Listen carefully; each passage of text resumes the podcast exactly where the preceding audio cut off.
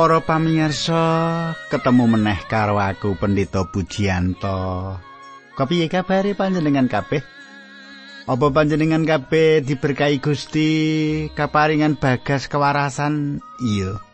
Pandung aku kanggo panjenengan, panjenengan tansah binerkan karo Gusti, dijangkung karo Gusti, murah rejeki mengkono ya. Nah aku bakal bebarengan karo panjenengan ngancani panjenengan ing sawetara wektu iki ana ing adicara margi utami. Adicara kang wis dadi klangenan panjenengan muga-muga kanthi apa kang ndak karo panjenengan ing dina iki supaya panjenengan diberkahi Gusti lan panjenengan dikuatake anggone kumandel karo Gusti Yesus Kristus.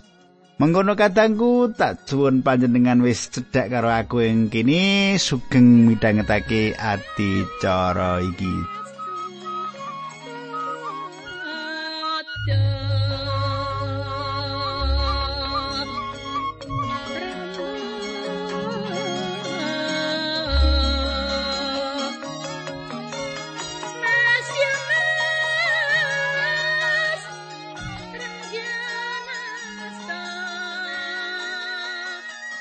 Sumitraku ing patemon kita kepungkur kita wis nyemak bebukane kitab Markus iki. Kita wis nyemak kegambaran Injil Markus iki lumantar pokok-pokok utawa garis besar kang wis ndak andharake ing patemon kita kepungkur. Ing patemon saiki kita bakal nyemak perkara-perkara apa wae kang dipratelakake dening Markus ing Injile. Nanging sadurunge kita terusake kita ndedonga dhisik, nanging aku arep ngaturake salam kanggo ibu kom. Mas Roni nembe kemawon SMS kula Bu. Dipun dipun dongaaken. Katiras wonten ing perantauan kathah. Nggih roh-roh awon ingkang ganggu piyambake. Makaten bukom nggih kita badhe ndongaaken Mas Roni ingkang wonten perantauan. Nggih makaten monggo kita ndedonga sesarengan. Duh Kanjeng Rama ing swarga kawula ngaturaken gunging panuwun menawi wekdal menika kawula saged tetunggilan malih kalian sedherek-sedherek kawula ingkang setya midhangetaken adicara margi utami menika. Kawula kemutan Mas Roni ingkang wonten ing perantauan Duh Gusti kados ingkang dipun suwun kapurin ndongaaken supados tinebihna saking panggoda roh-roh awon ingkang ganggu damel katentremanipun. Kawula pasrahaken mbahipun ingkang sakit mripatipun supados paduka sarasaken. Nanging kawula kintungaken sedherek kawula ingkang kedah meranto awet saking nyekapi gesangipun. Kawula nyuwun supados Gusti jangkung wonten ing paran setine bina saking bebaya tiang awon lan sanes-sanesipun. Linambaran asmanipun Gusti Yesus Kristus kawula ndedonga haleluya amin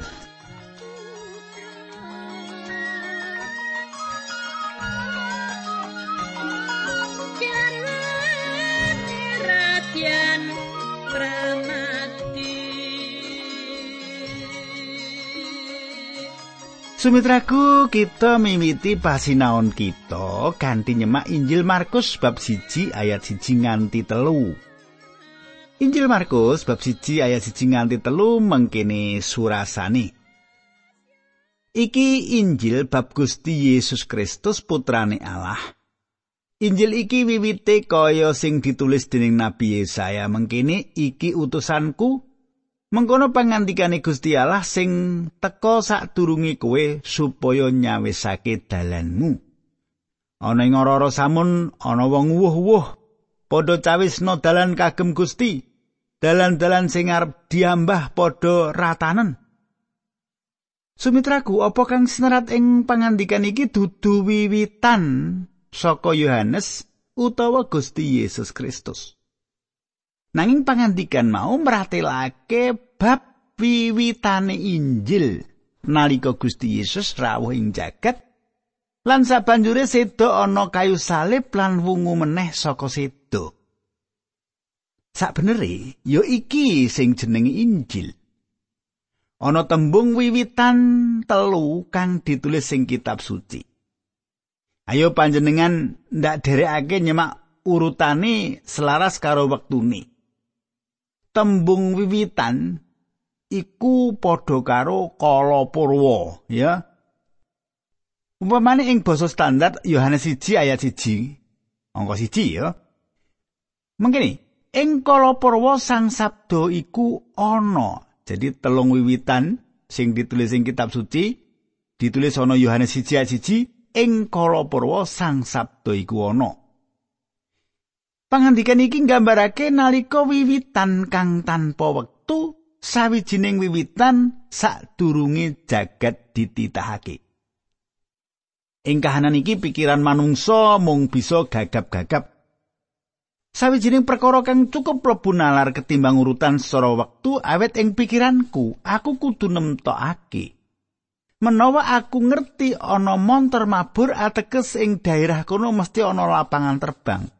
Mula menawa aku nyawang jagat raya iki, Aku ngerti yen jagat raya iki ana wiwitan ing ngendi Gusti Allah rawuh.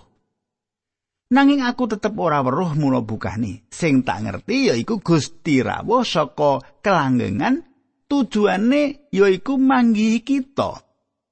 Aku kudu gawe tondo ing ngendi Gusti Allah ketemu karo kita. Manut sing bisa tak pikir lan aku ngrumangsani yen panjenengane kuwi wis ana sadurunge jagat raya iku dumadi. Kadangku ing purwaning dumadi siji siji meratelake ing jaman kawitan Gusti Allah nitahake langit lan bumi. Manut pikiranku ya ing wektu iki wiwitane kita miwiti mengerti obah musik saka kelanggengan mlebu ing sajroning wektu. Nanging senadyan akeh wong kang budidaya mangerti umure jagat raya iki, nanging manungsa ora bakal mangerti kanthi pas pira umure jagat raya iki. Manut perkiraane menungsa umur jagat raya iki antara 6000 nganti 3 miliar tahun. Kita mengerti mung sethithik nanging nalika kita suwan ing ngarsane Allah lan wiwit ngerti malah apa kang wis kita mangerti. Mula ing wektu iki kita bakal eling yen kita iki nyoba ndeleng saka pepeteng. Aku yakin kita bakal gumun kanthi bodhone kita lan winatese kita. Uga anggon kita ora ngerti. Gusti kita yaiku Allah kang Maha Pirsa. Panjenengane kagungan wektu kang akeh.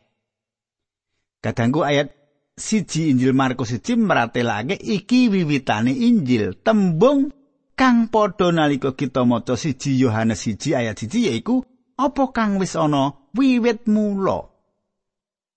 Perkara iki wis dimengerti ning wektune yaiku nalika jaman Gusti Yesus Kristus sugeng ing jagat lan panjenengane mundhut wujud dadi menungsa. Gusti Yesus Kristus iku pawarta Injil. Sabanjure Markus setitik banget nyuplik apa kang ditulis ing perjanjian lawas. Dheweke mung nyuplik loro pameca utawa panjangka. Katangku kenapa Markus mung nyuplik loro pameca? Awit Markus ngerti. Yen wong-wong Romawi pangerten perkara pameca iku sithik banget. Yen nganti Markus nyuplik saka perjanjian lawas iku kanggo nuduhake marang wong-wong Romawi menawa rawe Gusti Yesus kang nuju dirembuk kuwi ora mbutuhake sarasilah. Ora mbutuhake sarasilah nanging pancen panjenengane mbutuhake bukti yen rawe iku wis diweca wis dijongkok Lan Markus nuduhake menawa bab Gusti Yesus kuwi bisa disemak apa kang ditulis Nabi Yesaya lan uga ditulis ana ing Maliaki. Yohanes lan Markus meratelake menawa rawe Yohanes Pembaptis kuwi ngujuti pameca-pameca, ngenepi pameca-pameca kang meratelake menawa panjenengane kuwi kudu ndisiki Sang Kristus. Sing tak karepke ya kuwi Yohanes Pembaptis kuwi kudu ndisiki Sang Kristus. Cetha ya. Nah, saiki bab siji ayat papat. Ya kaya mengkono Nabi Yohanes rawuh ana ing ora samun, Nabi Yohanes baptis lan mulang wong-wong bab pawarto saka Gusti Allah. Pangandikane, kowe padha meratobato, ninggalo dosa-dosamu lan nglakonana dibaptis. Temah Gusti Allah bakal ngapura dosa-dosamu. Kadangku saka pangandikan iki kita mangerti ngerti Yohanes khotbah bab pamratobat lan baptisi wong kang nuntun wong-wong mau marang panguparaning dosa. Dadi Yohanes kuwi nuntun wong-wong mau marang pangapuraning dosa. Baptisan kang ditindakake Yohanes kadangku iki dudu supaya wong antuk pangapuraning dosa. Ing basa Yunani dijarwake nganti utawa dijarwake tekan. Lire nganti tekan antuk pangapuraning dosa. Dituntun nganti tekan antuk pangapuraning dosa. Peladosan Yohanes Pembaptis utawa pelayanan Yohanes Pembaptis ana kene mung minangka persiapan utawa cecawis. Peladosan kang ditindakake yaiku nyawisake rawe Gusti Yesus Kristus ing jagat. Lan kang ngapura dosa lan ngilangi dosa iku ora liya Gusti Yesus Kristus. Nah, saiki diteruske ayat 5 lan 6. Akeh wong saka tanah Yudea lan saka kutha Yerusalem padha teka ngrungokake piwulangi Nabi Yohanes. Wong-wong mau padha ngakoni dosa-dosane lan padha dibaptis dening Nabi Yohanes ana ing Kali Yarden. Sandangane Nabi Yohanes kuwi digawe saka wulu unta, sakbuhe saka lulang, dene sing didhahar walang lan madu alas ingkang pinanggih ing wana. Kadangku Yohanes Pembaptis sawijining priyayi. Wong kang ngidapi-dapi. Ora mung anggone martakake pawarta kang digawa nanging uga dheweke ngidap-idapi kepiye anggone nganggo sandangan lan uga anggone mangan. Yohanes Pembaptis sawijining priyayi kang kapilih, pinilih, pinisah mligi kanggo peladosan iki. Dheweke turun para imam, wong Lewi lan digudang bisa nglayani ing papan pangibadah ing Yerusalem. Anak imam digudang-gudang sebenarnya Lea, kowe sampeyan dadi imam Yerusalem, kok tempat pangibadah sing gedhe kaya Lea, nanging Gusti Allah nimbali yen sembabte supaya dheweke dadi nabi kang mapan ana ing ora-ora karo medharake pangandikane Gusti. Ora ning kutha, ning ora-ora. Nyebarake medharake pangandikane Gusti? Ya wit khotbah kuwi. Wong akeh teko perlu ngrungokake khotbah-khotbah sing ditindakake Yohanes Pembaptis iki. Kataku ing jaman kita iki akeh wong kang bangun gereja. Bangun gereja ing tengah-tengah masyarakat kang padat. Utawa bangun gereja ing tengah-tengah pesamuan supaya gampang wargane pesamuan iku nglumpuk Manut pikiran kita, gereja kuwi kudu dibangun ing sawijining papan kang gampang para anggota jemaate teka ing gereja iku. Ya kaya mengkene iki kang dadi konsep gereja nganti dina iki ta? Ya ta? Nanging menawa kita nyemak apa kang ditindakake Yohanes, mula dheweke nglayani ora nganggo cara kang kaya mengkono iku. Pangandikane Gusti mau mratelake menawa Yohanes Pembaptis malah mapan ing ora-ora. mapan ing ora ya. Awit panggonan kuwi akeh wong sing goleki dheweke kira ngono ta. Saiki ayat pitu ya, tak wacake. Nabi Yohanes ngendika marang wong akeh mau mengkini. Sapungkurku bakal ana wong teko sing kuasane ngluwi aku. Nguculi taline sepatu wae aku ora pantes. Kadangku. Saka so, pangandikan iku kita bisa mengerti kaya ngapa anggone ngedapi-dapi Yohanes Pembaptis kuwi. Coba panjenengan bayangake. Awit saka khotbah dheweke bisa nekake wong-wong saka Yudea lan kabeh wong kang ana ing Yerusalem kabeh teka ngrungokake. Wong-wong mau nganti gelem teka ana ing ora samun. Yohanes Pembaptis iku kalebu wong monco nanging uga wong kang kuat. Emane dheweke dhewean Coba katekno kepiye nggone andhap asor. Yohanes Pembaptis bener-bener wong kang andhap asor. Aku mbaptis kue nganggo banyu nanging wong mau bakal mbaptis kue nganggo roh suci ayat 8 ya. Kadangku. Saka pangandikan iki meratelake banget bedane antarane Yohanes karo Gusti Yesus. Baptisan kang sebenere, baptisan kang sabenere yaiku baptisan roh suci. Baptisan kang asipat upacara yaiku nggunakake nganggo banyu. Baptisan banyu penting banget ing jaman saiki awit baptisan kang ditindakake mengkono iki minangka tandha sawijining kesaksian. Panjenengan percaya Yesus tenanan? Ya to? Ya tandane jenengan dibaptis ning ngarepe pesamuan. Ora ana dibaptis iki meneng-menengan sesingetan ning kamar ora ana wong liya ngerti ora ana. Baptisan banyu penting banget ing jaman saiki. Awit apa? Awit iku sawijining kesaksian. disekseke wong akeh. Delok lho, aku iki dadi wong percaya Gusti Yesus. Mulaku wani dibaptis sing ngarepe wong ning ngarepe Gusti Allah. Nah, kita bisa sinau saka Injil Matius. Apa sebabnya Gusti Yesus dibaptis? Supaya Gusti Yesus bisa nyawiji sarirane karo menungso. Ayat 9 tak bacake yo. Ora lat suwe Gusti Yesus rawuh saka kutha Nasaret ing tanah Galilea. Gusti Yesus mau nuli dibaptis dening Nabi Yohanes ana ing Kali Yarden. Katanggu. Coba panjenengan semak pawarta utama kang dilantarake Markus. Gusti Yesus rawuh. Lelakon iki sawijining lelakon kang ngedek-edeki. Ngedek-edeki. Gusti Yesus bakal rawuh meneh ing titi mangsane mengko. Gusti Yesus rawuh.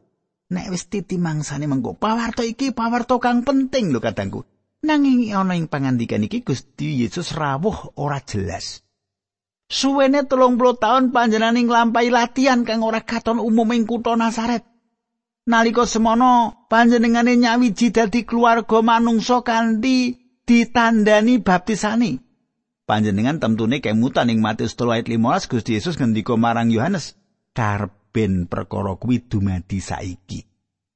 Awit apa ati wektu semono Yohanes Pembaptis duwe pikiran yen ora pantes baptis Gusti Yesus kuwi. Katangku.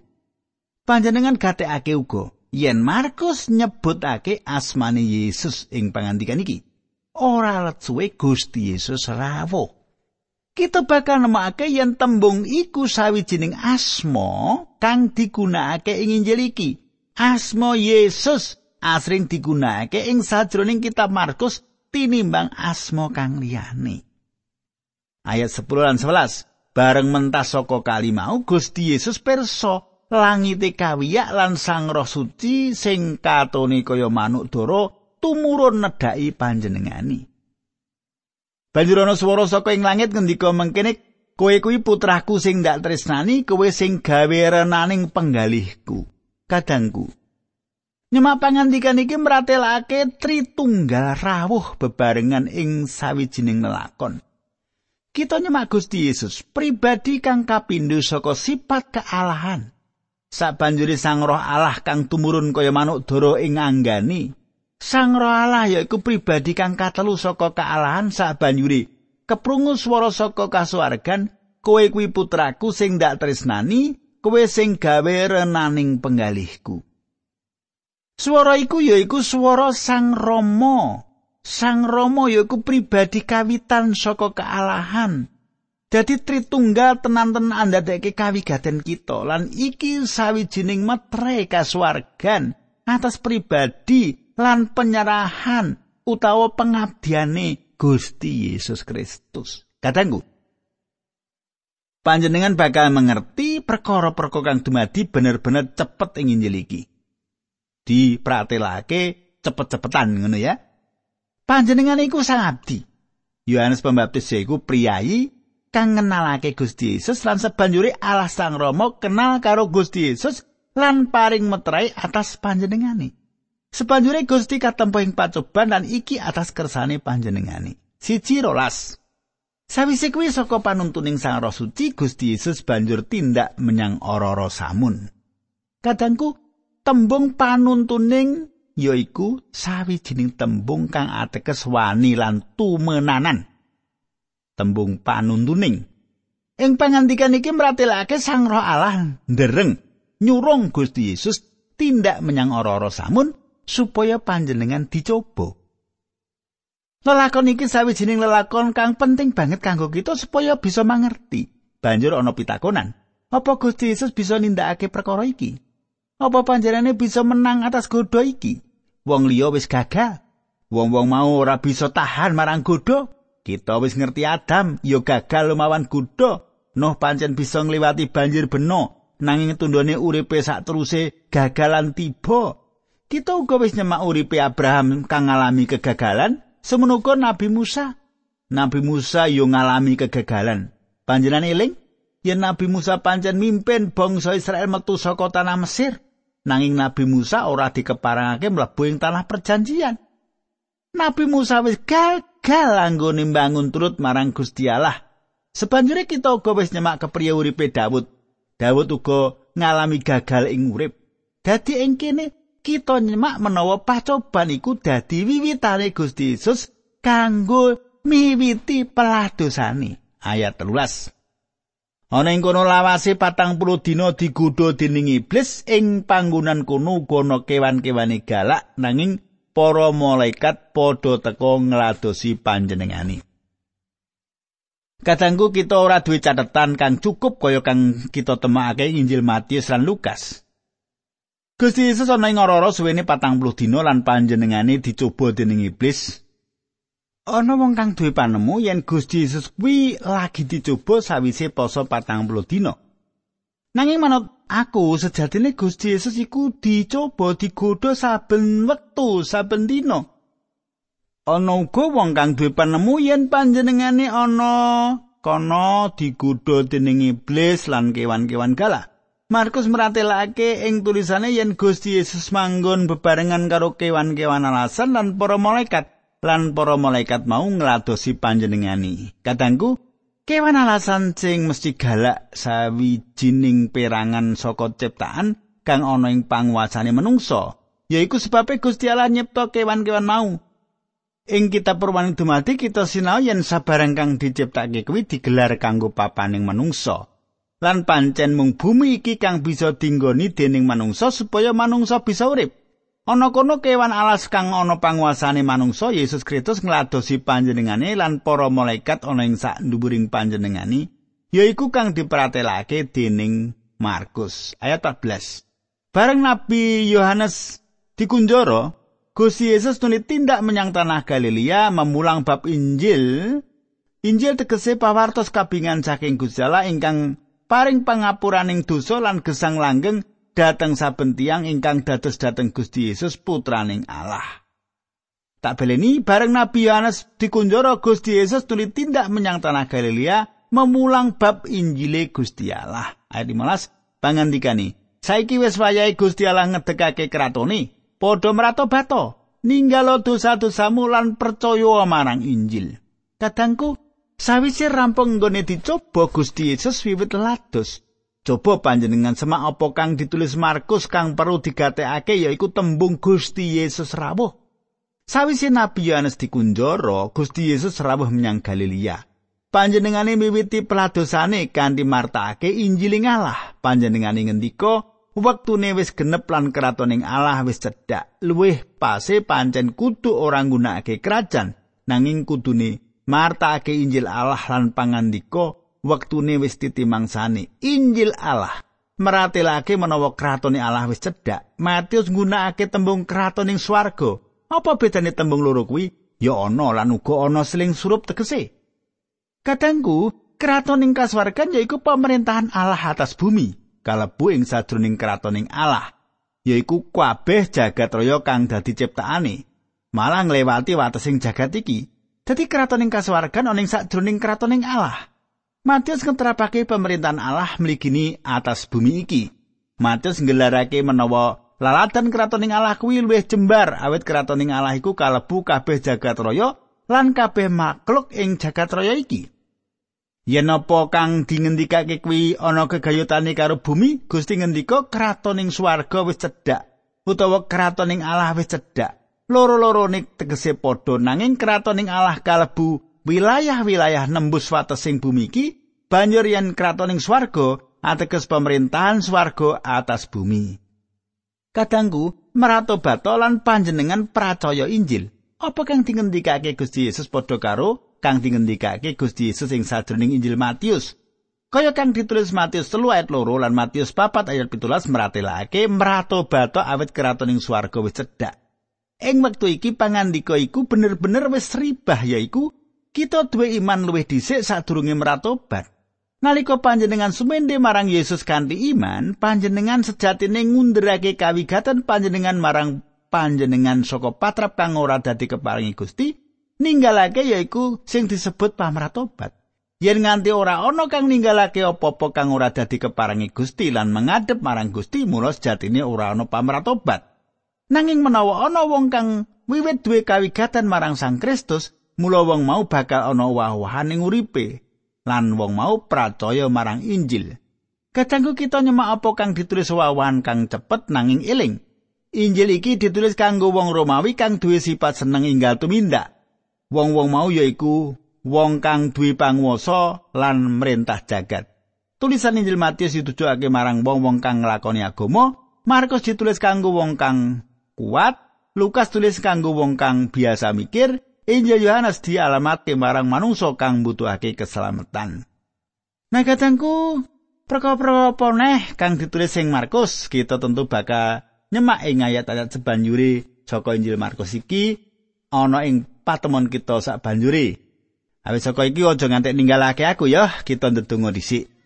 Kanjeng Rama, matur nuwun sanget menawi kawula sampun ngandharaken kayektosan lumantar sinau Injil Markus menika. Kawula nyuwun berkah Gusti. Linambaran asmanipun Gusti Yesus Kristus kawula tunggu haleluya. Amin